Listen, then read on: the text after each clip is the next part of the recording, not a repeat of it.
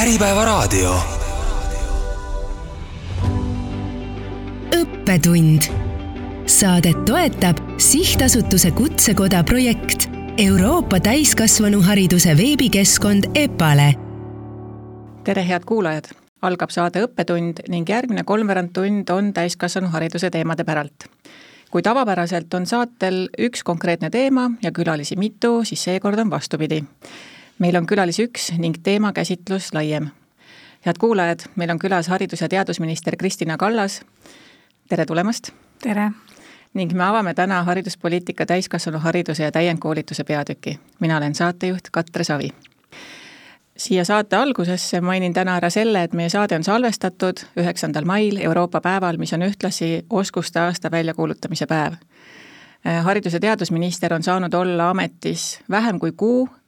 ei ole veel kohtunud valdkonna esindajatega silmast silma, mistõttu meie tänane vestlus saab olla heaks alguseks edasiseks koostööks. haridus on valdkonna, milles on pealtnäha üsna lihtne kaasa rääkida. paljudel on oma arvamus, mida ja kuidas peaks muutma ja Eesti haridussüsteem suures pildis on, on hea. kuid samas on ühiskonnas päris palju probleeme, mille lahendamine algab just haridussüsteemist. Teile uue valitsuserakonna uue ministrina on seatud kõrgendatud ootus Eesti haridussüsteemis muutusi ellu viia. kuidas te ennast selles positsioonis tunnete ja kas te olete hoogne või kaalutlev uuendaja? ma tunnen ennast üllatavalt äh, kindlalt, äh, et ma olen ikkagi haridusvaldkonnas töötanud üle kahekümne aasta, et Äh, ma just mõtlesin ameti, ametisse sisse elades, et noh, algus on ju selline, kus ministrit briifitakse päevas neli-viis-kuus tundi järjest, alustades A-st kuni B, C-ni, D-ni ja kõik teemad võivad olla nagu seinast seina, et kui sa ei ole ikkagi valdkonda tundev inimene, siis noh, minu arust see vastuvõtuvõime lihtsalt ei ole selline inimesel, et ta suudaks tegelikult kõikidest nendest teemadest ka aru saada, mida, millest teda briifitakse et äh, see, et ma olen haridusvaldkonnas kakskümmend aastat töötanud, äh, on ikkagi see suur eelis, et ma tegelikult ikkagi saan aru nendest briifidest ja sellest, et mis meil valdkonnas nagu toimub, et et seetõttu ma olen jätkuvalt, nii nagu Eesti kakssada on algusest peale veendunud olnud, et et noh, täitevvõim ehk siis ministri tasand peab ikkagi olema nagu ekspertsuse tase peab olema garanteeritud, et teisel juhul minu arust head ministrit ja head juhti sealt ei tule. Aga aga teine asi on see, et haridus on tõesti selline valdkond, kust, kust sisuliselt noh, saab alguse kõik, saab alguse meie majanduskasv, saab alguse meie demokraatia tugevdamine, saab alguse meie inimeste tervis, on ju, et oskuste arendamine, et noh, ükskõik millise ühiskonna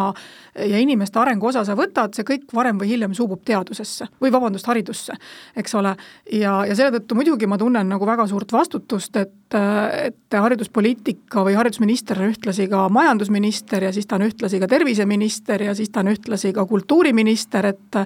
et ei ole vist nagu ala Eesti ühiskonnas, mis, mida haridus ei puudutaks või kus, mille lahendamises ei nähtaks nagu võtmeküsimust just hariduses. hästi on, nõus ja, ja et ilmselt äh, tunnevad paljud ministrid äh, ka samamoodi, et ka nende valdkond on selline, mis ikkagi piire ületab, et ega Eesti on väike riik ja meil ei olegi võimalik võib-olla lahterdada nii, nii väga, aga tõesti, haridus on, on teema, mis äh, terve inimese eluea siis käib ja seetõttu me ka räägime elukestvast õppest ja, ja et seda, et meil ongi kogu aeg vaja ennast harida ja arendada aga ajal, mil riigikaitse ja kaitsekulud on äh, riigi prioriteet, et kui keeruline või lihtne oli valitsuskõneluste käigus haridusteemades kokku leppida? haridusteemades kokku leppida oli lihtne, äh, keeruline oli lisaraha äh, leida ja, ja lõpuks ju tegelikult kõik lisaraha taotlused tühistati, kui tuli majandusprognoos, mis näitas, et maksulaekumine on vähenenud, mille tõttu on äh, asi veel, veel halvemaks läinud, riigieelarve seis veel halvemaks läinud, siiski vaatamata sellele, et äh, kõikide, kõik lisataotlused võeti maha koalitsioonikõnelustel, siis harid-, ainuke valdkond, kus lisataotlused mingis ulatuses jäid, oli haridusvaldkond nüüd tegelikult on Eestis selline seis, et haridusvaldkonda ei panda vähe raha. kui me vaatame proportsioonina SKP-st, siis Eesti panustab haridusse päris palju. Äh, võrreldes teiste OECD riikidega või Euroopa Liidu riikidega me panustame Põhjamaadega üsna sarnaselt. meie küsimus on pigem selles, et valdkonna sees me seda raha oleme väga pikka aega suunanud taristusse, mis ongi iseenesest täiesti loogiline, sest Nõukogude ajast tulnuna me pärisime ikkagi väga halva, halvas seisus kogu haridustaristu et pidime koolimajad ümber ehitama, kõrgkoolid, rakenduskõrgkoolid, kõik oli vaja ikkagi ümber ehitada, laboratooriumid ja nii edasi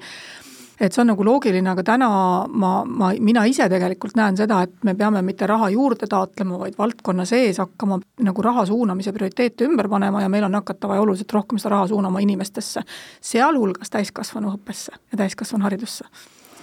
ehm, milline on üldse täiskasvanuharidus ja täiendkoolitus tänases haridussüsteemis, mis see roll on?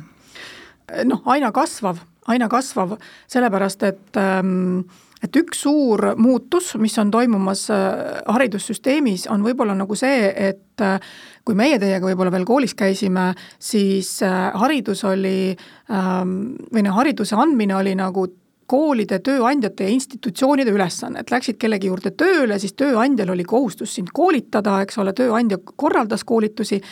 siis tänapäeva maailm on liikunud sinna suunda, et haridus on inimese enda ülesanne, et tegelikult inimene vastutab enda koolituse, enda täienduse eest, mitte enam see tööandja, sest inimene esiteks püsib ühe tööandja juures oluliselt vähem oma karjääri jooksul inimene teeb väga palju karjääripöördeid, et äh, karjääripöörete tegemine näiteks minu ema jaoks on täiesti võõras nähtus, et äh, sai kunagi ära õpitud ülikoolis ja siis kuni pensionini täpselt selle koha peal saigi töötatud ja selles erialas töötatud. et selle tõttu nagu see muutus, et see on inimese enda vastutada, tema enda koolitamine, tema enda täiendkoolitus, ümberõppe, oskuste arendamine, et see on väga suur muutus, äh, mis haridussüsteemis toimub ja sellest tulenevalt ka see täiskasvanute õppekorraldussüsteem ju muutub. et Äh, täna täiskasvanute õpet ju pakuvad praktiliselt ikkagi kõik haridusasutused, noh, sisuliselt kõik haridusasutused, et et inimene siis ise tegelikult vastutab selle eest, äh, kuidas tema elukaare jooksul see õppimine toimub, meie ülesanne on siis tagada see, et need võimalused on olemas. Äh,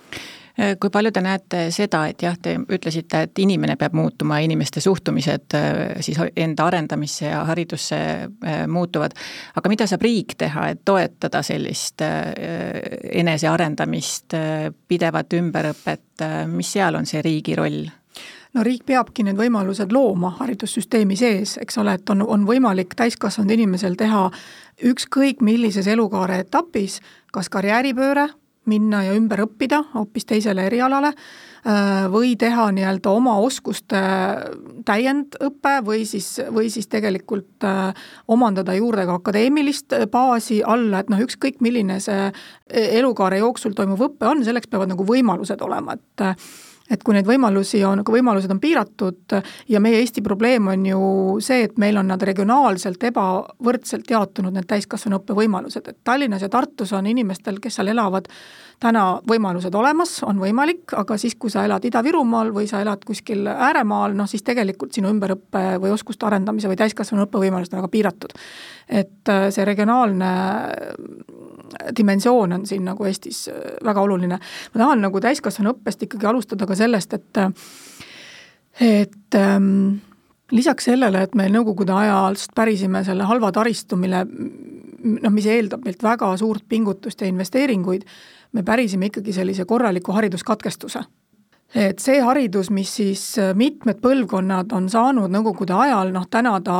täna ta tegelikult väga palju neid inimesi ei aita ja, ja toimus ikkagi väga mastaapne hariduse katkestus kaheksakümnendatel, üheksakümnendatel. Ja nende hariduskatkestuse tagajärgedega me ju mingis mõttes täna täiskasvanuhariduses tegeleme et noh, meie täiskasvanuharidus on, peab väga palju tegelema nii-öelda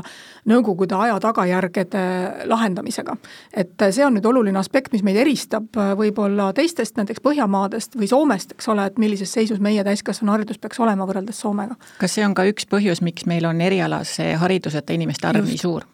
Meil on eriala, erialase hariduseta inimeste arv suur, äh, meil on madalate õpioskustega täiskasvanute osakaal väga suur, ehk siis inimesed ei ole omandanud oma põhihariduse ajal tegelikult õpioskusi, mida nad saaksid kasutada siis elukaare jooksul äh, täiendõppeks või oskuste arendamiseks, et äh, meil on keeleprobleem, ehk siis et meil on inimesi, täiskasvanud inimesi, kes ei valda keeli, mis meil täiendõppes või täiskasvanuõppes on nagu võimalik kasutada, et ja noh, siis see regionaalne probleem, eks ole mis need võimalikud äh, lahendused sellesama regionaalse mm, ebavõrdsuse juures on, et mis, mis annaks teha, et äh, seda, seda tasandada? no seal tulebki vaadata seda, et täiskasvanute haridus ei koonduks ainult äh, kõrgharidussüsteemi, mis ta praegu kipub nagu minema, ehk siis et meil on kõik mikrokraadide andmine, täiendkoolitused, mida väga palju on ju teinud ikkagi ülikoolid siis ähm, noh, ma arvan, et see täiskasvanuõpe võiks olla kutsehariduse, keskhariduse ja, ja siis regionaalsete kolledžite juures äh, üsna mastaapselt ja rakenduskõrghariduse juures täpselt samamoodi. et äh, noh, riigi roll on siis nüüd tagada need, need õppevõimalused seal. Ja no me, me vist räägime sellest hiljem ka, et see täiskasvanu koolitusturg, no ma mõtlen mitte hariduse valdkond mm, -hmm. vaid just koolitusturg, on ikkagi ka Eestis väga reguleerimata, et seal on ikkagi metsik lääs täna ja, ja selle tõttu need inimesed, kes, kellel nagu eriala kutsealast haridust ei ole, kelle õpioskused on madalad, tihti on nagu probleem ka selles, et võib-olla seda, mida nad regioonis üldse võivad saada, ei vasta tegelikult ikkagi sellele vajadusele, mis neil oleks vaja oskustega arendada, sest see, see pakutav koolitus noh, ma ei taha öelda, et see on nagu selline uhuu-koolitus, aga päris palju on ikkagi selliseid kahetunniseid äh, mitte teaduslikel meetoditel põhinevaid äh, koolitusi, mida pakutakse turul ka, et me peame mm. hakkama reguleerima ka seda koolitusturgu võime seesama teema tegelikult siin juba lahti võttagi, et, et kui see koolitusturg äh, reguleerimist vajab, et, et mis, mis need mehhanismid seal jällegi on ja, ja kui me räägime ka koolitajatest, noh, koolitajate enda suur mure on või, või kas just mure, aga ongi äh, koolituste kvaliteet, kvaliteedi hindamine, kuidas tagada, et mhm. koolitajad oleksid siis ise väga heal tasemel ja, ja kas see, kas kutse andmine, kutse omamine on selle juures nagu üks oluline tegur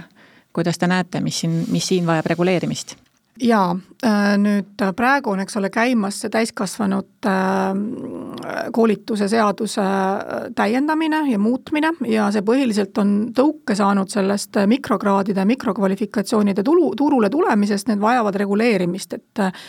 et mis see mikrokvalifikatsioon ikkagi on,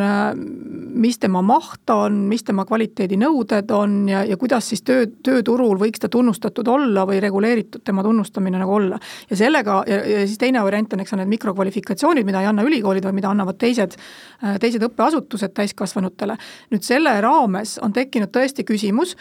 et kas lisaks nagu nendele kahele, ehk siis mikrokvalifikatsioonidele, mikrokraadidele reguleerida kõike muud täiskasvanukoolitust kvaliteedinõuete osas täpselt samamoodi et äh, noh, minu mure sellega on see, et, äh, et ma hirmsasti kardan äh, ülereguleerimist. et ma, ma olen siiski väga turuusku, selles usku, et noh, klient tunneb ära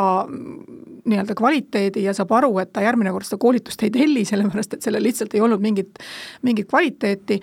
aga noh, siis iseenesest tööandjal või, või nii-öelda inimesel, keda, kes peab hindama selle töötaja oskusi ja teadmisi, noh, tal ei ole täna, eks ole, mingit mingit alust, mille alusel ta ütleb, et see koolitus või teine koolitus on tegelikult siis olnud nagu mingi kvaliteediga koolitus. Et me peame seal ikkagi siiski mingi kvaliteedi hindamise või sertifitseerimise süsteemi tekitama ja tõenäoliselt tuleb nende õppekavade süsteemi alusel, et kui ikkagi on nii-öelda haridust, mitte lihtsalt koolitust, koolitusseminari läbiviiv asutus, vaid mingil tasemel äh, täiendõppe või täiskasvanu haridust ja oskuste arendamist äh, sooviv äh, õppeasutus või, või, või ettevõte, noh siis tuleb sinna mingid õppekava standardid kehtestada. jah, sest ega ju oleks olukord turul palju lihtsam, kui meil olekski kõik targad tellijad, teaksid, mida tellida, kuidas tellida, millised on oodatavad õpiväljundid ja nii edasi aga kõik seda tõesti ei tea ja see turg on väga mitmekesine, et, et tõesti, kui me räägime ju täiskasvanuharidusest, siis eh, ega juba alates ülikoolist meil ju õpivadki seal täiskasvanud mm. -hmm. aga, aga formaalharidussüsteem ja, ja selle välised teemad on, on väga erinevad ja võib-olla see just see, mis kõik väljapoole on, tõesti on siis see päris äärmus, mis läheb äh, mitte ainult vabahariduslikeks koolitusteks, aga lähevadki selliseks äh, lihtsalt uute teadmiste omandamiseks aga ilmselt see turg või see maailm muutub seal ka veel, veel, veelgi rohkem, et kui me räägime siinjuures ka tehisintellektist, ähm, millest nagu kuidagi sai üle ega ümber, et, et ju, et ka see toob väga palju muutusi nii sellele, kes õpib, kuidas õpib ja kus ta õpib, et kas, kas ministeerium näeb siin vajadust reguleerida või on see, ka see valdkond veel selline, mis natuke vajab settimist või lasta areneda?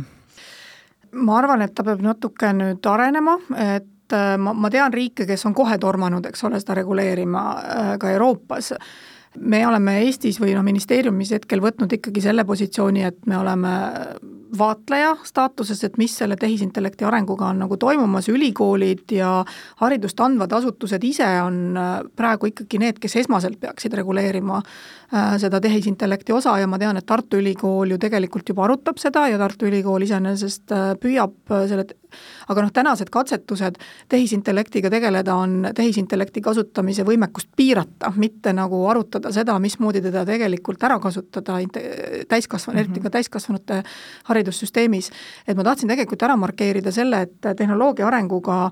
on, on ju veel eraldi teema see, et meil toimub, ka Covid on sellele väga tugeva tõuke andnud, meil toimub ikkagi nagu internetipõhine globaalne õppimine, eks ole, kus noh, Eesti riigi nii-öelda suveräänsed piirid lõpevad ikkagi territoriaalselt Eestis tegutsevate asutustega ära ja noh, kui täiskasvanud õppija läbi veebi võtab mingi koolituse, mis asub riigis X, eks ole, siis noh, selle kvaliteeti ju meie reguleerida ei saa. Ja, ja, ja noh, ütleme nii, et selle tõttu ma usun, et täiskasvanu äh, äh, koolituse ja hariduse kvaliteedi piiramisel on väga selged piirid ees, et me saame piirata ikkagi või kontrollida väga väikest osa või mitte väga väikest, aga noh, väike, mingit osa sellest, me tegelikult ei suuda seda nii-öelda lõpuni äh, ära garanteerida ja siin jääb ikkagi inimesel endal vastutus enda oskuste arendamise eest ja tema peab olema suuteline senisest palju rohkem mõistma, ja, ja hindama seda koolitust ja seda haridust, mida ta tegelikult saab et see ja, on nagu on, see suund. ongi hea võrdlus võib-olla sellesama tehisintellektiga, et me oleme ju ka rääkinud oma ühes varasemas saates sellest, et et tehisintellekti kasutamisega kaasneb äh, olulisel määral kriitilise mõtlemise Just. oskus ja, ja samamoodi ka siis nende koolitustel osalemine või endale sobiva koolituse leidmisel samamoodi, et mm -hmm, inimene ise vastutab selle eest, mida ta leiab ja mida ta õpib. aga võib-olla veel kord siis tagasi tulles selle sama ka regionaalse teema juurde kas te näete ka siin, et tegelikult selline digiõppe võimalused võiksid seda, jällegi seda tasandada, seda siis koolituste ja hariduse kättesaadavust? Et mõned äh, spetsialistid on küll siin öelnud, et natukene Eesti äh, lasi maha selle Covidi käigus mm -hmm, tekkinud digiõppe mhm, võimalused, et äh, me väga ruttu suundusime tagasi sinna klassiruumi, võib-olla just nagu üldhariduse kontekstis, aga et kas sealt on midagi kaasa võtta, õppida, mis aitaks tegelikult neid regulaarseid erisusi aitab päästa? no meie mure tegelikult on ju see, et ka meie PIAK-i, eks täiskasvanute oskuste uuring näitab ju seda, et meie täiskasvanutel on tehnoloogiarikkas keskkonnas probleemilahendusoskused väga madalad, noh väga madalad. meil on ka õpetajatel need väga madalad, et see on seotud meie selle hariduskatkestuse ja selle nõukogude ajaga, millest ma räägin, on ju, et kui me nüüd kiiresti hüppame sinna äh, digilahenduste sisse, siis äh, meil võib juhtuda tegelikult see olukord, kus neid digilahendusi ikkagi hakkavad kasutama need, kellel tegelikult need õpioskused juba olemas on, et ehk siis, et ta ei too kaasa seda, et need õpioskuste puudu, need, kellel õpioskusi ei ole, tegelikult neid kasutama hakkavad, ehk siis see hariduslik lõhe täiskasvanute seas, mis täna eksisteerib meil, et see tegelikult võimendub veel tänu nendele digi, digivahendite väga intensiivsele kasutuselevõtule. mis ei tähenda seda, et me ei peaks seda tegema, ma lihtsalt mõtlen, et meie suurem mure äh, on isegi see, et äh, kuidas me saame täiskasvanu õppesse, elukestvasse õppesse need väga suur osa Eesti täiskasvanutest, kellel õpioskused täna puuduvad ja tehnoloogiarikkas keskkonnas äh, probleemilahendusoskused puuduvad, kriitilise mõtlemise oskused puuduvad, et nad tegelikult ei saa hakkama täiskasvanu õppes, ükskõik millises vormis, kas see on digivormis või see on nagu tavalises klassivormis. et ja ma ju, ma arvan, et sellise mm, lihtsalt teavituskampaaniaga me tegelikult seda ei, äh, ei muuda. et äh, meil on vaja meil on vaja mingit muud mehhanismi, mis, mis äh, suunaks neid täiskasvanud inimesi äh, rohkem õppima. ma toon nagu näite, et kui ma, kui ma olin nagu Narva kolledži direktor ja me tegime äh, eesti keele õppekursuseid täiskasvanutele, ähm, ja noh, Integratsiooni Sihtasutuse nõukogu juht ma olin ju ka pikki aastaid, kus me nagu koolitasime ju täiskasvanuid eesti keeles, siis ka uuringud näitasid, et noh, niivõrd levinud on ikkagi see suhtumine, et et pärast neljakümnendat eluaastat ei ole võimalik enam mitte midagi juurde õppida, et noh, ei hakka see keel külge, et ma ei hakka üldse seda eesti keele õpet üldse proovimagi, on ju, ma olen juba nelikümmend, et mis te must tahate. Ja see oli väga dominantne, noh, see on nagu väga levinud. Ja vot selle mõistmise murdmine on nagu väga suur töö, sest see on see, mille taga on meil väga suur osa nendest äh, täiskasvanuõppe probleemidest ju kinni. et noh, ma olen liiga vana selleks, et õppida. tundub, et needsamad mikrokraadid äh, seda probleemi mõneti lahendavad, et, äh, et jällegi, et need juba keskeas inimesed leiavad läbi selliste väiksemate õpiampsude võimaluse uuesti õppima minna, kuid seal on ka jällegi see teema, et äh, need inimesed, kes on juba oma siis varasema haridustaseme saavutanud kõrgemal tasemel, lähevad lihtsamini uuesti just, õppima. ja just. probleem on selles, et siis madalama haridustasemega inimesed ei lähe õppima ja ei pea ka täiendkoolitusi vajalikuks täpselt, ja see ongi seesama probleem, et ka mikrokraadid ikkagi tõmbavad ligi neid, kellel tegelikult juba noh, õpioskused on olemas ja, ja kes, kes iseenesest saaksid ka individuaalselt ja oma õpiradasid pidi ka digiõppes nagu äh, lahendama, ma ju täna õpetan ülikoolis, ma ju näen, mul on üks mikrokraad, mikrokraadi tudengid, kes mul loengus on, noh, tegemist on tegelikult juba magistri tasandil haridust omavate inimestega, et ega mul ei ole seal klassis Narvast või, või, või Rõugest või mujalt, eks ole, erialast haridust mitte omavad inimesed, kes on tulnud siis teatud enesetäiendusega, et noh, ikkagi mure on, mure on selle noh, selle osaga täiskasvanutest, kes ei osale mitte mingisuguses elukestvas õppes, et nendega on mure. ja ma ikkagi näen siin seda, et ähm, see regionaalsete kutsekoolide ja ka gümnaasiumite äh, roll peaks siin ikkagi oluliselt nagu suurenema, et ma tean, et gümnaasiumid tahavad hirmsasti tegeleda ainult äh, akadeemilise äh, hariduse andmisega, eks ole, ülikooli minejatele, aga me oleme üle Eesti üles ehitanud riigigümnaasiumite võrgustiku ja see riigigümnaasiumite roll kohaliku haridusklastri ülesehitamisel, kus on omavahel ikkagi seotud kõik haridusastmed, haridusasutused, et noh, see peaks olema nagu see, see liikumine, see haridusklaster peaks siis hõlmama kogu selle piirkonna elanikkonda, mitte ainult niimoodi, et igalühel on oma jupp teha, eks ole, vaid ka see haridus, haridusastmete vahel liikumine oleks lastele oluline, aga ka täiskasvanud oleksid haridusklastriga sinna kogu sellesse haridussüsteemi äh, tõmmatud, noh, ma ütlen, et see on praegu väga selline teoreetiline jutt, et noh, praktika, praktikani me ei ole ju tegelikult veel jõudnud, et et, et ma ei oska öelda, mismoodi me saaksime praktiliselt lahendada ära selle probleemi, et me need väheste õpioskustega ja väheste osaoskustega või üldse erialaste oskustega inimesed, täiskasvanud inimesed, täna viiekümnendates eluaastates inimesed tegelikult saaksime elukestvasse õppesse sisse ma siinkohal teen ühe põike mm, Eesti kakssada programmi aastast kaks tuhat üheksateist, ehk siis enne valim-, eelmisi valimistsüklit. ja seal on väga toredasti ära öeldud järgmine lõik. kahekümne esimese sajandi muutused on kiiremad kui kunagi varem ja võidab see, kes kogu aeg muutub. muutumiseks on vaja pidevat õppimist. haridusega omandatavate oskuste oodatav eluiga üha lüheneb, mis tähendab seda, et tööturul heade võimaluste saamiseks peab inimene pidevalt õppima. inimesed, kellel on kiiresti arenevas ühiskonnas vajaminevad oskused ning kes on võimelised pidevalt õppima ja arenema, otsustavad ühiskonna edukuse. sama kehtib ka riikide kohta. edukaks osutuvad pikas plaanis need, kelle inimestel on kõige asjakohasemad oskused, suurepärane õpioskus ja parimad õppimisvõimalused seda te ütlesite aastast kaks tuhat üheksateist ja see Just. kehtib väga täna. et ähm, kui seesama, et te ütlete, et, ähm, et need madalamate haridustaseme ja, ja õpioskustega inimesi on väga raske tuua õppima ja, ja riik saab teha selle, et laiendada siis seda võrku, mis, mis pakub neid võimalusi. kes on veel need osapooled? kas, kas ettevõtted saavad ise siin midagi teha? mis ja. on need?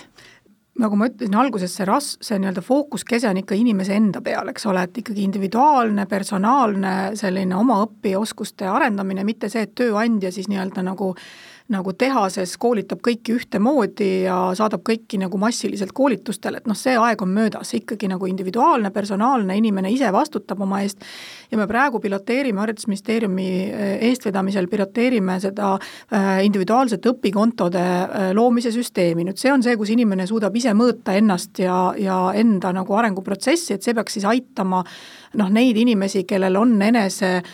no jälle õpioskused või enesehindamise oskused on täna puudu, eks ole, see individuaalne õpikonto peaks siis näitama neile seda, kuidas nad peaksid arenema. Ja see on nüüd abivahend siis ka tööandjatele, sest tööandjad saavad läbi nende individuaalsete õpikontode ikkagi ka inimest toetada, inimest suunata ja ka haridusasutused saavad, eks ole, seda teha, et inimest toetada, inimest suunata, nii et me vaatame, kuidas see õpikontode, individuaalsete õpikontode piloot meil läheb. Ja, ja see fookus sellel on tõesti nendel no,, nendel täiskasvanutel, kes täna äh, elukestvas õppes ei osale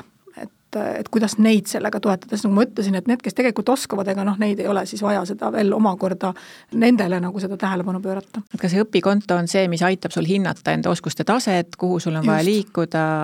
sa, kas sinna saab ka panna, lisada need juba siis järjest need väiksed õpiampsud, on need mikrokraadid, moodulid? sa lisad need õpiampsud, eks ole, äh, noh, sinna saab ka selle tehisintellekti taha panna, kes tegelikult aitab sul seda analüüsi läbi viia, kes on sulle nii-öelda tugi, eks ole, kes, kes seda hindab ja, ja, ja vaatab sinuga koos neid asju asju läbi, aga noh, see on natukene selline enesearendamise, enesega tegelemise äh, abivahend. ega ta ei ole selline võluvits, aga ta on nagu töövahend, mida me püüame luua siis nendele inimestele endile, kes siis peaksid selle nii-öelda suutma sellest puuduvatest oskuste seisust nagu mingisse faasi jõuda täna Eestis nüüd seesama lõik, mis ma just ennem ette lugesin, seal on ära siis märgitud ka, et, et ka need riigid on edukad, kus siis see õppimine hästi läheb inimestel. Meil endal on ühiskonnana ees suured muutused nii kestlikkuse suunal kui ka majanduses nähakse võitu sellest, kui suudetakse lisandväärtust tõsta ja seda eelkõige läbi digitaliseerimise ja automatiseerimisega need kõik kolm teemat toovad kaasa väga palju vajalikke uusi oskusi mm. -hmm. ja ettevõtted äh, seisavad silmitsi probleemiga, et inimestel ei ole neid oskusi, et seesama, millest ka me korraks põgusalt ennem rääkisime, et need oskused on aegunud. ja, ja kuidas te näete, kuidas on võimalik Eesti riigi arengu jaoks vajalike oskuste arendamine, omandamine luua nii kiiresti muutuvas maailmas? Jaa, äh, see on äh, probleem, vaatamata sellele, et meil on küll digiriigi äh, kuvand, siis üle kolmandiku Eesti elanikkonnast ei oma baasdigioskusi. ja, ja tegelikult on probleem ka selles, et ettevõtete ehk siis Eesti töökohtadel IT-kasutus on nagu madal, et ka tööandjad iseenesest IT-võimalusi kasutavad vähem kui paljudes teistes riikides, et et see on nagu jah, minule olnud üllatus, et et meil selline seis on,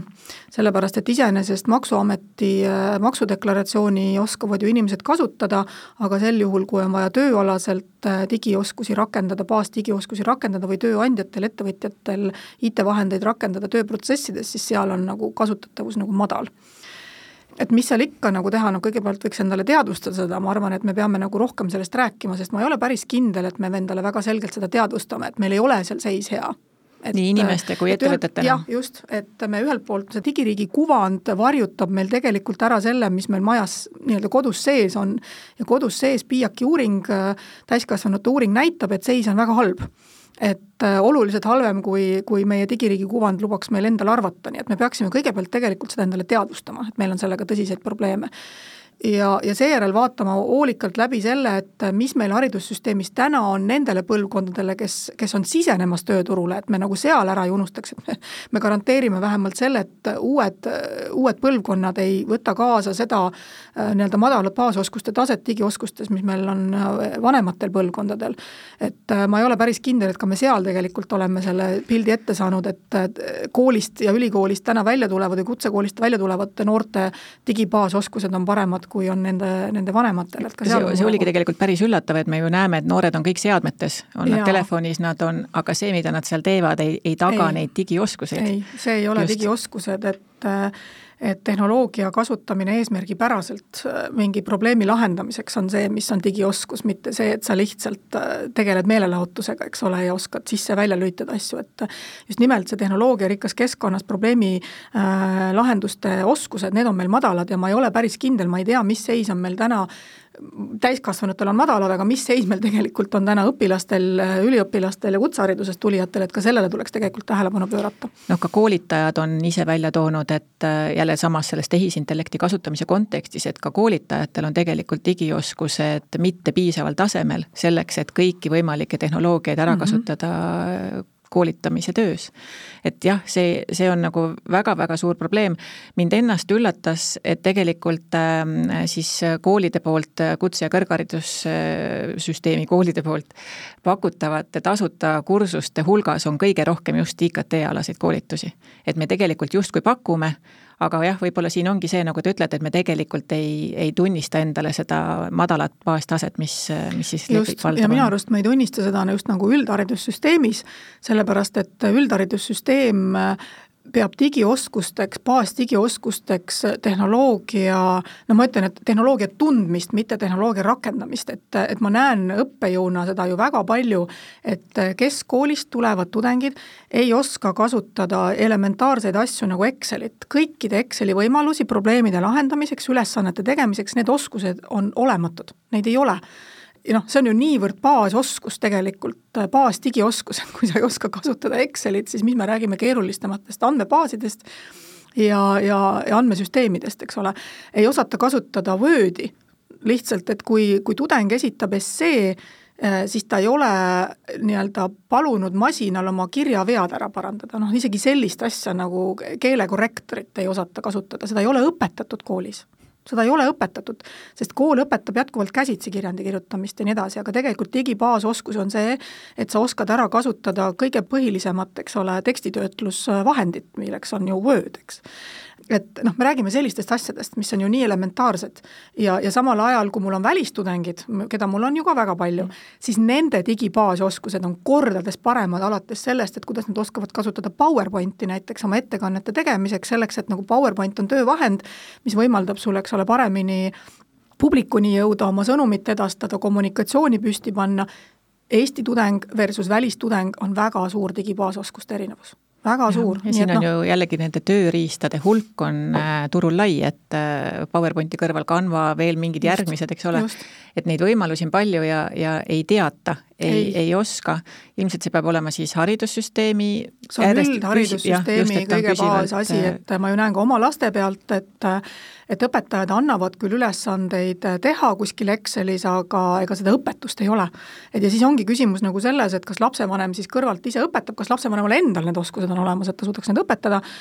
või siis, või siis noh, lihtsalt jääbki see oskus omandamata. see lihtsalt jääb omandamata nii Wordis kui Excelis kui, kui PowerPointis ja Canvases, see jääb omandamata põhikoolis ja see, see, see tegelikult on see baasoskus see on kõige elementaarsem sedasama probleemi tõi välja Andres Karjus või siis natuke teise nurga alt äh, ka jällegi tehisintellekti kontekstis. et kui me laseme tehisintellektil ära teha mingisugused tööd, siis õppimine jääb puudu, jääb mm -hmm, omandamata baasoskused, jäävad äh, need kõige esimese taseme õppimine ära ja seal jällegi tekib see lõhe siis äh, õppimises või, või oskuste omandamises, et need, kellel jääb see alusõpe olemata, on väga raske hilisemal tasemel äh, kuidagi siis süsteemidest aru hakata saama ja seda enda kasuks rakendada. absoluutselt nii ongi, et kui sa ikkagi baasoskused, digitaalsed baasoskused ei ole omandanud, siis sa tegelikult ei oska ka seda tehis, tehisintellekti kasutada. et noh, need on nagu omavahel seotud asjad, et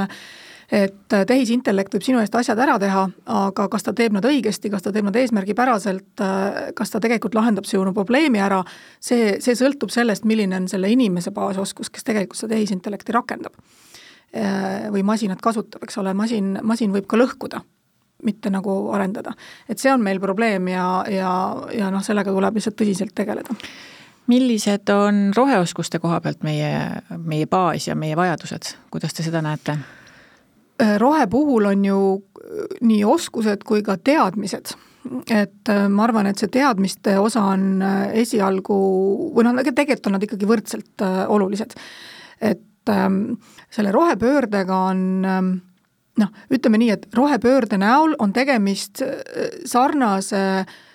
globaalse muutusega, mis on, mis juhtus inimkonnaga tööstusrevolutsiooni ajal, eks ole, üheksateistkümnenda sajandi alguses või noh, kaheksateistkümnenda sajandi lõpus algas, üheksateistkümnenda sajandi alguses oli väga suur murranguline muutus, mis, mis mis pööras ümber ja muutis ära fundamentaalselt mitte ainult majanduse toimimise, aga riikide, ühiskondade toimimise, lõhkus ära kõik sotsiaalsed klassid, eks ole, et meil ei ole enam feodaalühiskondi, mille tööstusrevolutsioon tegelikult sõna otseses mõttes ära hävitas, eks ole, tegi nagu, tegi klasside põhise või nii-öelda feodaalühiskonna lõpp tuli sellega. ja ma arvan, et rohe, rohepöördega on toimumas väga sarnane, mitte sarnane, vaid selles mõttes, et mastaapidelt, mastaapidelt sarnane protsess ja nüüd mis on oluline inimestel aru saada, selle, mitte seda, et kuhu see viib, sest seda ei ole võimalik ette näha, vaid aru saada selle protsessi mastaapsusest ja vot see on see, mis minu arust on nagu puudu, et, et kui sa nagu suurt pilti ei oma, siis sa tegelikult neid väikseid probleeme lahendada ei oska, eks ole, et noh, see suure pildi puudumine ka Eestis ja ma, ma, ma ei räägi üldse nagu lastest ega no ma räägin ka poliitikutest ega nagu tipust, et meil on, meil on küll teadlasi ja inimesi, kes omavad seda suurt pilti, aga ühiskonnas ei ole tegelikult tervikarusaama ikkagi tekkinud, et mis asi see muutus on, mille keskel me tegelikult praegu toimetame. Ja, ja seda, seda on vaja, nüüd ma läksin nagu hästi suure pildi jutu peale, aga seda tegelikult oleks vaja. Ja nüüd, kui see on, kui see on nagu kuidagi läbi räägitud, et, et, et siis, siis me saaksime nende osaoskuste juurde tulla, et milliseid oskusi meil tegelikult on vaja selle muutusega hakkama saamiseks, aga kui me enne, kui me seda muutusest aru ei saa, siis me ei oska ka tegelikult neid oskusi äh, arendada inimestes. ja ma just selle suure pildi juures äh, mõtlesingi, et, et kui me räägime kestlikkusest ja rohepöördest, siis äh, lõpuks ettevõtted suunatakse õigele kursile seadusemuudatusega, regulatsioonidega, midagi keelatakse ära, midagi maksustatakse. aga kui meil tegelikult puudub arusaam, kuhu me liigume ja, ja seesama, et teadmised ja oskused, et siis on seda muutust väga keeruline ellu viia ja siis ei pruugi tuua seda kasu, mida me tegelikult ootame. just, ehk siis, et kui me seda suurpilti ja muutust ei mõista, siis meie risk on see, et me lohiseme järgi ja ainuke asi, mida me suudame teha, on tagantjärele, tagantjärele nagu ennast kohandada asjadele, mida on muudetud ilma meieta, noh, mida, mille muutmises meie osalenud ei ole ja mingis mõttes noh, Eesti, kui ta nüüd vabaturumajandusse sisenes, eks ole, üheksakümnendatel, siis me ju sisenesime nii-öelda juba ära tehtud muutused, teised olid tegelikult juba kõik seal platsil nagu kohad ära võtnud, eks ole, ja noh, meil oli siis ainult, meie võimalus oli ainult sinna kuidagi ennast nagu sisse pressida ja mingigi nii-öelda võimalus ära kasutada sinna nagu turule sisenemiseks. täna toimub selle turu totaalne ümbermängimine uuesti, noh, kõik kaardid on äh, sellel globaalsel turul äh, nii-öelda lauale visatud, eks ole äh,, nagu fossiil fossiilkütustest väljumine ja täis, täistsuguse, teistsuguse energiaallikate peale üleminek on ikkagi fundamentaalne struktuurne globaalne muutus. ja nüüd on küsimus Eesti jaoks selles, et kas me jälle istume ja ootame, kuni teised, eks ole, selle turu kõik nagu paika panevad ja siis vaatame, et okei okay,, et nüüd me nagu võiksime siis osata seda, teist ja kolmandat sellest olukorrast välja võtta või me suudame ise tegelikult oma inimeste hariduse, oskustega jõuda sinnamaani, et me tegelikult tuleme sealt võitjatena välja, ehk siis me võtame sealt kaardipakist ikkagi need kõige paremad kaardid enda kätte, sest see see tänase nagu rohepöördega mängitakse globaalsel turul ümber asjad järgmisteks sajanditeks. ja kui me selle maha magame sellega, et me ei saa sellest suurest pildist aru, me ei saa sellest muutusest aru ja me ei suuda oma, oma riiki, oma inimesi, oma haridussüsteemi tegelikult sellele kohandada, tööturgu ja ettevõtlust, siis me lihtsalt oleme noh, vastutavad järgmiste põlvkondade eestlaste eest sellega, et me magasime selle maha ja me jätsime selle võimaluse kasutamata. mis teie arvates või kelle käes on see või kelle käsi on see, kes peaks sealt kaardipakist need õiged kaardid tõmbama, et äh, kes on see kõige, kõige rohkem mõjutatav praegu seda, et me teeksime need õiged otsused? kõige rohkem mõjutatav on loomulikult Riigikogu ja valitsus, et noh, seal peab olema see ja ettevõt-, ettevõtjad, eks ole, et seal peab olema see nägemus sellest, et kuhu liigutakse, minu arust Eesti ettevõtjad ja on, on nagu oluliselt parema suure pildi mõistjad ja selle mõistjad, mis globaalsel turul täna toimub ja millised Eesti äh, positsioonid, positsioonivõtud ja arengud peaksid olema, võrrelduna Riigikogu ja valitsusega. Et noh, ettevõtlussektoris on ikkagi väga selge arusaam suurest pildist, minu arust valitsuses on parem seis täna, kui ta oli varem, aga meil ei ole jah, ikkagi Riigikogu kaasa tulnud, et noh, ma väga ootan seda kliimaseaduse arutelu, sellepärast et et äkki selles arutelus me lõpuks suudame selle suure pildi ära rääkida inimestele. Ja siis hakkavad aru saama ka tegelikult need need organisatsioonid ja osapooled, kes täiskasvanuharidusega tegelevad, et mis muutus see on, millega me tegeleme ja kuidas nemad peavad oma nii-öelda õppetööd ja täiskasvanuhariduse süsteeme äh, kohandama selleks, et, et selle muutusega hakkama saada väga-väga suured teemad -hmm. kõike täna meie enda saates äh, rääkida ära ei jõua ja lahendada ammugi mitte. aga võib-olla veel siia tagasi tulles meie sellele poolele teemast, et, et mis tase on meie koolitajatel, kas äh, see koolitusturg, äh, täiskasvanu koolitus just selle poole pealt, et kas meie koolitajad pakuvad heal tasemel koolitusi? noh, seis on mitmekesine, et äh, et on neid, kes pakuvad väga häid koolitusi, on väga häid koolitajaid ja on neid, kes on, kes ei ole head ja, ja kuna ma ütlesin, et turg on ju selles mõttes reguleerimata, et ta on praegu väga vaba ja väga avatud, siis, siis turul on ka noh, kristallipõhiseid ja mitteteaduspõhiseid koolitajaid, kes siis üritavad, eks ole, inimeste muredele ja emotsioonidele lahendusi pakkuda. Ja samal ajal on väga teaduspõhiseid koolitajaid, kes on väga kõrgelt võimelised inimese osa, inimeste oskusi väga teaduspõhiselt nagu edasi arendada, nii et nagu turg on ikkagi väga-väga seinast seina ja vajab reguleerimist. ja vajab reguleerimist. noh, tähendab, vajab reguleerimist mõistlikkuse piirides, et ma ei ole, ma ei ole, ma, ma, ma kindlasti ei taha reguleerida turgu niimoodi, et see, see paneb turu seisma, et noh, üleregulatsioon lihtsalt nagu paneb kinni äh, turu ja, ja tsementeerib ja see ei ole nagu hea, nagu ma ütlesin, et tegelikult sellel, sellel nii-öelda suure muutuste ajastul, nagu me praegu oleme, ma pigem eelistan seda, et see turg on vabam ja, ja me suudame nende muutustega kiiresti kohaneda, kui see, et me tsementeerime ta nagu regulatsioonidega niimoodi kinni, et ainult kuuskümmend korda nelikümmend padjapüüre tohib, eks ole, hotellitubades kasutada, et äh, samal ajal maailm liigub sinnapoole, et võiks olla sada korda sada padjapüürid, on ju. et noh, ärme niimoodi reguleeri seda, et me peame reguleerima teda ikkagi minimaalselt selleks, et me suudaksime minimeerida neid riske, mis on seotud halva või vale äh, nii-öelda oskuste arendamise ja haridusega kui nüüd lõpetuseks veel küsidagi, et milliseid muudatusi äh, te ise peate kõige olulisemaks täiskasvanuhariduse valdkonnas, et mis on need prioriteedid, mis siis aasta Äh, pildis laual on ja, ja sealt edasi? no aastapildis on äh, laual seaduse vastuvõtmine, mis reguleerib nüüd selle turu ikkagi paremaks ja, ja selgemaks, aga, aga põhieesmärk täiskasvanuharidus on ikkagi saada need täna äh, Äh, noh, kogu see hulk Eesti täiskasvanud, kes on enamus saada elukestvasse õppesse ja sellesse protsessi, et nad ka viiekümne viieselt ja kuuekümneselt tegelikult tunneksid, et kui sa oled kuuekümneaastane inimene täna, siis sul on veel kakskümmend viis aastat keskmist eluiga ees ja, ja ei ole hilja ümber õppida või juurde õppida selleks, et tööturul toimetada, kui vähegi tervis lubab, noh eraldi teema on tegelikult meil Eesti inimese tervis. et see seab ka piirid ette, et meil ei ole inimeste tervisega lood väga head ja, ja ka seal on täiskasvanuharidusel nagu väga oluline roll ja ka tööandjatel nagu väga oluline roll. et, et ma pean ikkagi eesmärgiks seda väheste oskustega või üldse erialase oskuse ja õpioskuste puudustega inimeste toomist ähm, õppesse ehk et äh, meil oleks vaja seda ikkagi uudishimu, et inimestes oleks see uudishimu ja tahe muutuda see ja, ja tunne kõige. kõige võiks ära murda selle tundmise, et ma olen kuuskümmend ja kõik. et või ma olen noh, isegi viiskümmend viis, et ja nüüd on kõik, eks ole, et äh, seda on vaja murda, seda on vaja murda. kas esimesed nädalad ministritöös on ka mõne õppetunni andnud? Ma sain hirmsasti pahandada selle eest, et ma abituriendist nõuniku endale võtsin, kusjuures, et, et, et, et see on minu jaoks ka selline vanuse äh,